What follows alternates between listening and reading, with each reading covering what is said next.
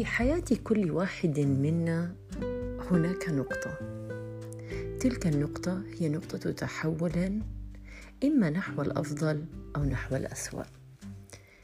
لنفكر بإيجابية ولنبتعد نوعا ما عن السلبية. لأن هناك الكثير من السلبيات التي قد تؤدي إلى تشتيت أفكارنا. لنفكر فقط بالإيجابيات. أحيانا نقرر بأننا نريد أن نصبح نماذج أفضل من أنفسنا أكثر شجاعة أكثر إيمانا ويقينا.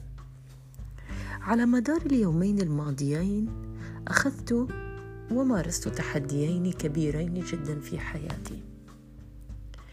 الأول كان فيه الكثير من الخطورة أما الثاني فقد كان أقل خطورة ولكن كان يحتاج إلى الكثير من اللياقة البدنية والجسدية.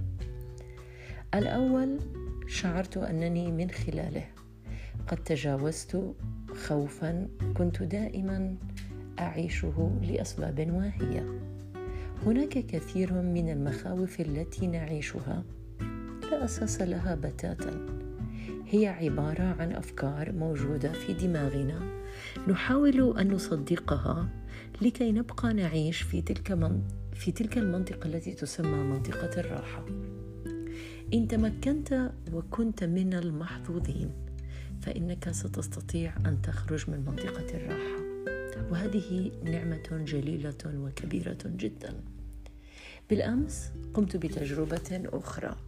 حيث أنني قد قمت بعمل هايكينج صعود للجبال في منطقة في جنوب إفريقيا.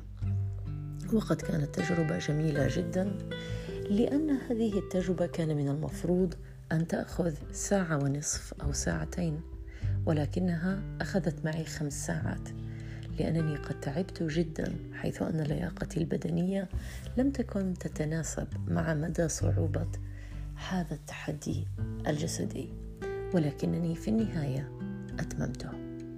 نعم أتممته بتعب شديد جدا مما يجعلني أسجل لكم الآن هذا البودكاست. ولكنني شعرت بلذة غريبة. هناك كثير من الإخفاقات في هذه التجربة.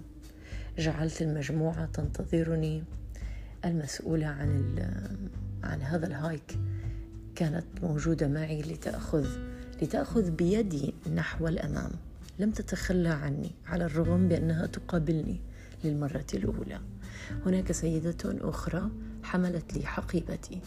تمكنت من إتمام التجربة ولكنني تعلمت شيئا مهما جدا.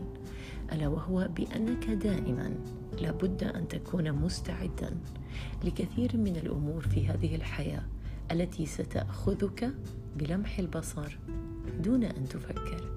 اخرج فقط من منطقة الراحة وآمن بأن هناك كثير من القوى سوف تساعدك لتتخطى المصاعب والتحديات. ولكن الأهم من ذلك أن هناك مصاعب وتحديات موجودة فقط في عقلك. آمن فستنجح. صباح الخير. thank you